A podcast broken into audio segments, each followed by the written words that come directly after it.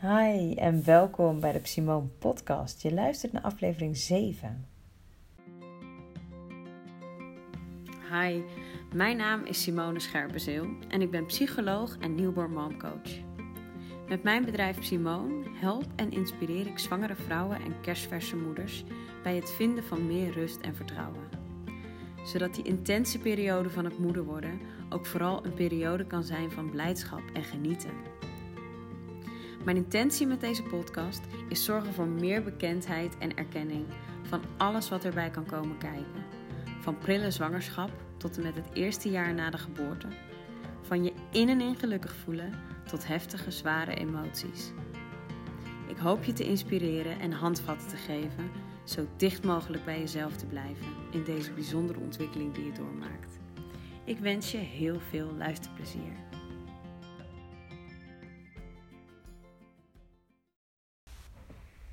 Oké, hier is alweer een nieuwe podcast.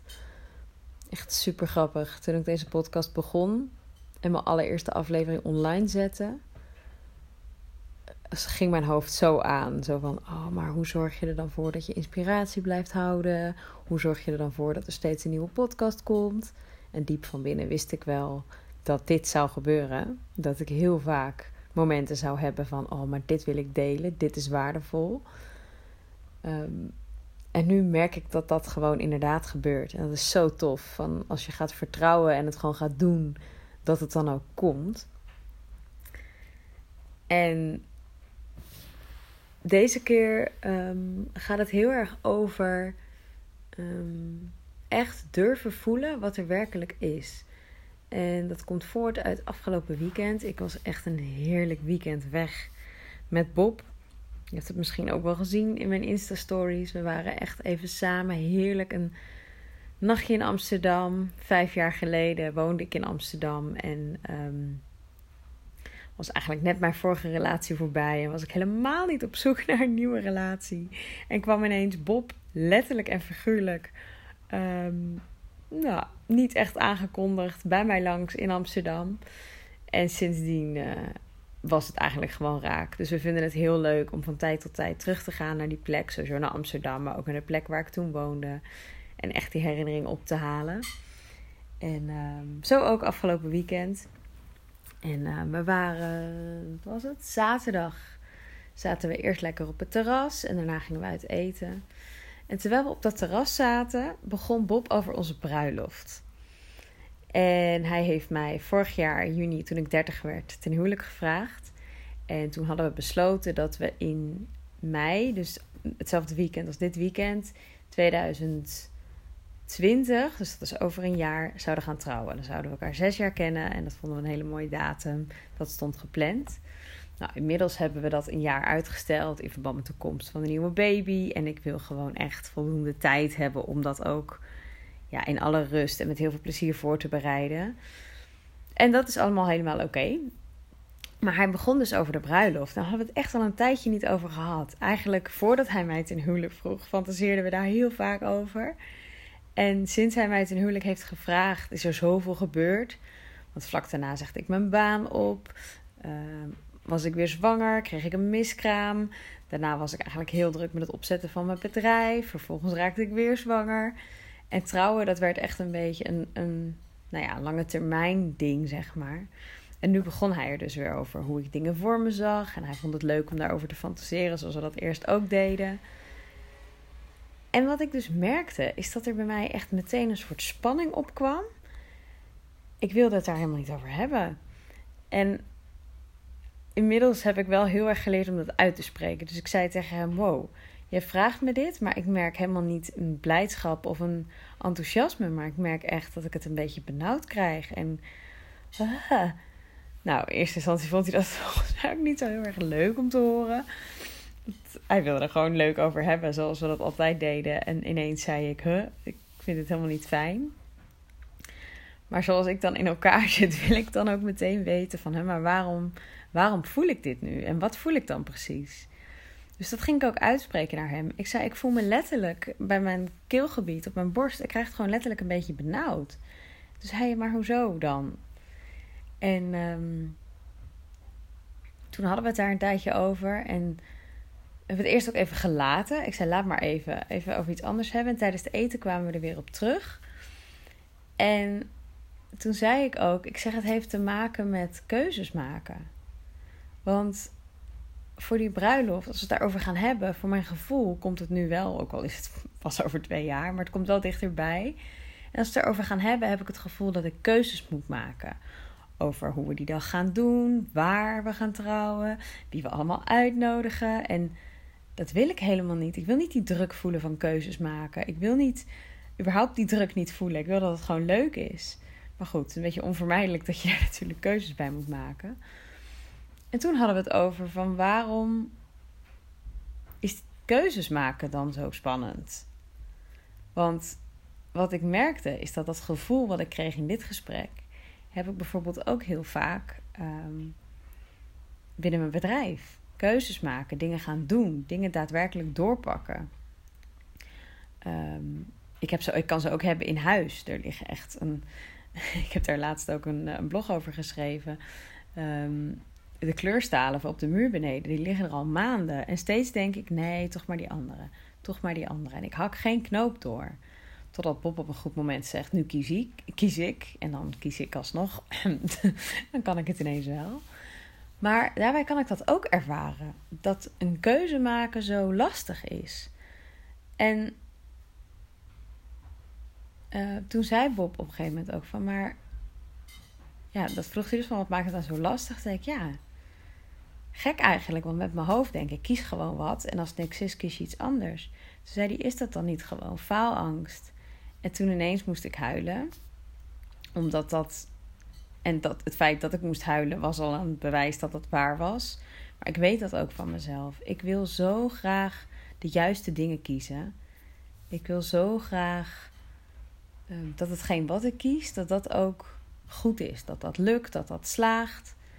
En ik denk inderdaad dat het echt een diepe angst is voor iets kiezen wat dan ja, niet het juiste blijkt te zijn of zo, of niet de juiste keuze. En wanneer ik daar echt gewoon vanuit een heel rustige mind over nadenk, ja, dan, dan denk je, hoezo? Want je kan altijd keuzes. Ja, het kan zijn dat je een keuze maakt die niet goed uitpakt. En soms zijn keuzes ook niet terug te draaien. Maar heel vaak kun je ook wel weer herstellen. Maar hoe erg is het als je een keer iets kiest wat niet juist is of wat niet goed uitpakt? En wat ik dus heel tof vond aan ons gesprek is dat ik heel erg kon voelen wat er bij mij gebeurde. Dat ik letterlijk in mijn lijf kon voelen wat die angst met me deed om iets verkeerd te kiezen. Dat ik dus moest huilen op het moment dat Bob zei van ja, is dat dan geen faalangst? En aan de ene kant wil ik dat niet horen. Want ik heb het gevoel dat ik juist op dat gebied onwijs veel heb overwonnen. En aan de andere kant lukt het me ook om het onder ogen te zien en te denken: ja, ik vind het inderdaad heel spannend om keuzes te maken, niet wetend of het de juiste zal zijn. En vervolgens ging het gesprek heel erg over: ja, maar kijk nou eens terug op de keuzes die je hebt gemaakt. En kijk nou eens naar de keuzes die je op het gevoel hebt gemaakt. Die zijn eigenlijk altijd de juiste geweest. Misschien was de uitkomst anders dan je had verwacht of verliep het even via een zijweggetje, maar het was altijd de juiste keuze. En ik vond dat zo mooi en ineens viel er zo'n last van mijn schouders. En de dag erna kon ik ineens wel nadenken met een heel mooi gevoel van vreugde en verlangen over de bruiloft. Toen, toen lukte het ineens wel. En toen dacht ik, ja, het is zo belangrijk als je durft stil te staan bij wat je daadwerkelijk voelt. En dat is echt iets wat ik um, ja, de afgelopen jaren heel erg heb geleerd. Dat ik mezelf heel erg ben gaan verdiepen in mindfulness, in meditatie. En omdat je daar leert bewust te trainen, want dat is eigenlijk, meditatie is eigenlijk niets anders dan stil worden en het trainen van je focus op wat je voelt, wat er in jou gebeurt. En wanneer je dat vaak traint, dat is eigenlijk hetzelfde als in de sportschool. Wanneer jij vaak naar de sportschool gaat, kijk tussen die momenten door, gewoon in je dagelijks leven, is jouw lichaam ook aan het werk. Heeft het ook een andere verbranding? Zijn die spieren ook actiever dan wanneer je nooit zou sporten? En datzelfde geldt natuurlijk voor het trainen van je mind, het trainen van je focus, het trainen van luisteren naar je gevoel. Als je dat met momenten heel bewust doet, dan heb je dus ook op andere momenten, zoals wij, zoals ik in het gesprek met Bob over gevoel, dat ik ineens heel bewust kon opmerken: hé, wat voel ik nu eigenlijk? En doordat ik het kon voelen, bij stil kon staan en het ook echt even er mocht laten zijn, ik mocht even huilen van mezelf, kon het ook echt weg en was ik het daarna kwijt. Dat wil niet zeggen dat ik nu ineens nooit meer angst heb om een keuze te maken en bang ben dat ik het niet goed doe. Maar ik voelde wel, hé, ik ben weer een klein beetje sterker geworden op dit gebied. En dat is zo ontzettend tof om te merken. En ik denk ook dat dit door zoveel jonge moeders, of je nu zwanger bent of, of net bevallen, eerste jaar van je kindje, zo geldt ook. Er, komt er komt zoveel op je af. En in mijn geval zit het hem nu op gebied van de bruiloft of op gebied van uh, zakelijke keuzes maken. Ik heb het zelf minder in het moederschap. Maar ik zie zoveel vrouwen om me heen die ook daarin zo bang zijn om, om te kiezen, bang zijn om het fout te doen, bang zijn om niet te voldoen aan de verwachtingen van anderen. Want dat is als je het nog wat verder uitpluist, natuurlijk uiteindelijk wat eronder ligt. En ik had daar gisteren zo'n tof gesprek ook weer over met Kim.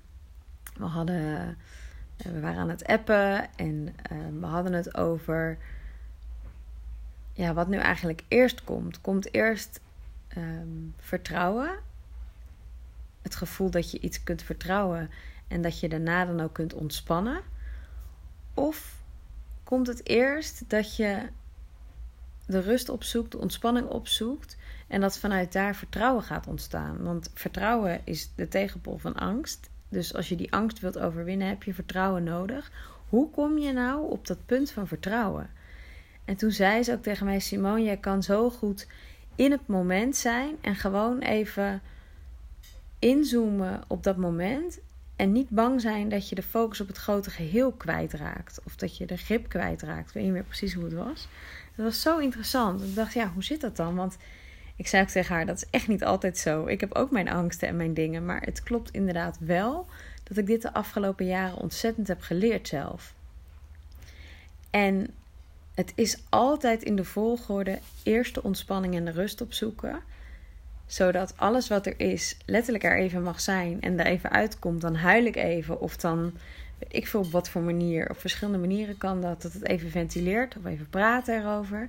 En daarna, als, die, als ik die rust weer voel, vanuit die rust kan ik dan veel beter denken: ja, wat is er eigenlijk aan de hand? Maar eerst is altijd die ontspanning nodig. En ik denk dat dat gewoon voor heel veel vrouwen nog iets heel moois is om, ja, om nog beter te gaan beheersen. Om iets wat ik zelf ook nog. Vanochtend werd ik ook weer wakker met een gevoel van onrust. En ik, ik weet dan ergens met mijn hoofd: het is goed om nu even iets te doen wat mij ontspant. En tegelijkertijd denk ik, ja, sure, als ik nu even ga zitten, dan gaat dit gevoel ineens weg. Nee, ik moet die onrust gewoon uh, zelf uitbannen door enorm te gaan poetsen, enorm te gaan schoonmaken, dit te gaan doen, dat te gaan doen. En natuurlijk, dat zijn allemaal dingen die je ook rust kunnen geven. Maar het hangt er heel erg vanaf vanuit welke intentie je het gaat doen. Want als er echt onrust is, dan kunnen externe situaties daar echt niks aan veranderen. Dan zul je onrustig blijven voelen. Totdat je een moment of een punt vindt waarop je even die emotie er mag laten zijn. En daarna voel je vaak echte rust. En ja, ik vind het gewoon super tof om heel veel vrouwen hierbij ja, te mogen helpen, te mogen inspireren. En daarom heb ik ook weer morgenavond, dinsdagavond 28 januari, um, ga ik weer een live meditatie geven op, uh, op Instagram.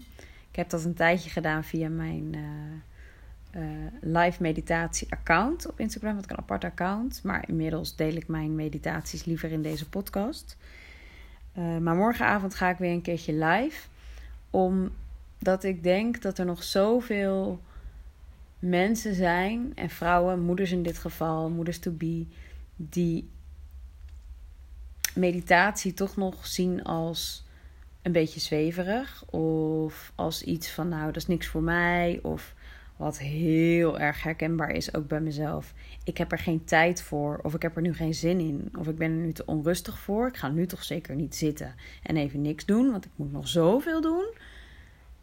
Ik zou zeggen, juist dan, kom alsjeblieft, want dat is de reden, of hoe zeg je dat? Dat is de grootste ehm, ja, reden eigenlijk om het juist wel te doen. Omdat je dan waarschijnlijk heel veel onrust in je lijf hebt. En het is zo niet zweverig om te mediteren. Misschien is het woord nog steeds iets wat een beetje die bijsmaak heeft. Of die associatie. Maar het zet je juist heel erg down to earth. Het zet je juist weer in contact met jezelf. Met, um, met wat je voelt. Met wat er bij jou speelt. En na zo'n meditatie voel je vaak veel beter wat jij nodig hebt ervaar je vaak weer rust. En dat schreef ik ook op mijn Instagram-post vandaag. Het is niet het doel dat je rustig wordt, maar het is vaak wel het gevolg. En ehm, ja, ik gun dat gewoon iedere vrouw. Ik gun het iedereen eigenlijk. En um, ik had laatst ook een appje van iemand, van iemand die een uh, traject bij mij volgt. En die zei: Simone, ik vond het zo fijn dat wij de eerste live dag starten met een meditatie. En zij is iemand die daar helemaal normaal gesproken niet zoveel mee doet. Maar ze zei: Ik kon daarna zoveel beter voelen. En dat was echt het mooiste wat ze me kon zeggen. Want toen dacht ik: Ja, dat is wat ik wil. Ik wil dat je weer gaat voelen. Ook als dat nare emoties zijn. Ook als dat juist is dat je de onrust gaat voelen die bij jou speelt. Ook als dat een verdriet is wat omhoog komt. Want juist als het omhoog komt, kan het, kan het eruit. En daarna is er weer ruimte voor zoveel moois en andere dingen. Nou, ik ga deze podcast nu afronden, want ik hoor dat uh, mijn meisje wakker wordt. En, um, maar ik hoop gewoon dat ik je hiermee heb geïnspireerd om vaker toch naar jezelf te gaan. Om het toch te voelen en niet allerlei dingen te doen ter afleiding. Om maar niet te hoeven voelen wat er werkelijk is. Want dat doet zoveel moois als dat er mag zijn. Ik hoop dat als je dit hoort en je er morgenavond bij kunt zijn, ik je ook zie op Instagram. Of in ieder geval uh, niet jou zie, je ziet mij. Maar dat je erbij bent. En um, ja, ik zou zeggen, deel dit vooral door ook. Want ik wil heel veel vrouwen, heel veel moeders, heel veel moeders to be. Uh, gun ik dit. Ik spreek jullie de volgende keer weer. En oh ja, dat is trouwens wel goed. Ik ga proberen om de meditatie die ik live ga doen op Instagram op te nemen, zodat ik hem ook in de podcast kan zetten. Maar ik weet nog niet helemaal of dat gaat lukken. Dus mocht je erbij kunnen zijn, wees erbij. Mocht het je echt niet lukken, dan is de live meditatie ook nog 24 uur terug te zien. En hopelijk later ook op de podcast te beluisteren. Hey, ik wens je nog een hele fijne dag.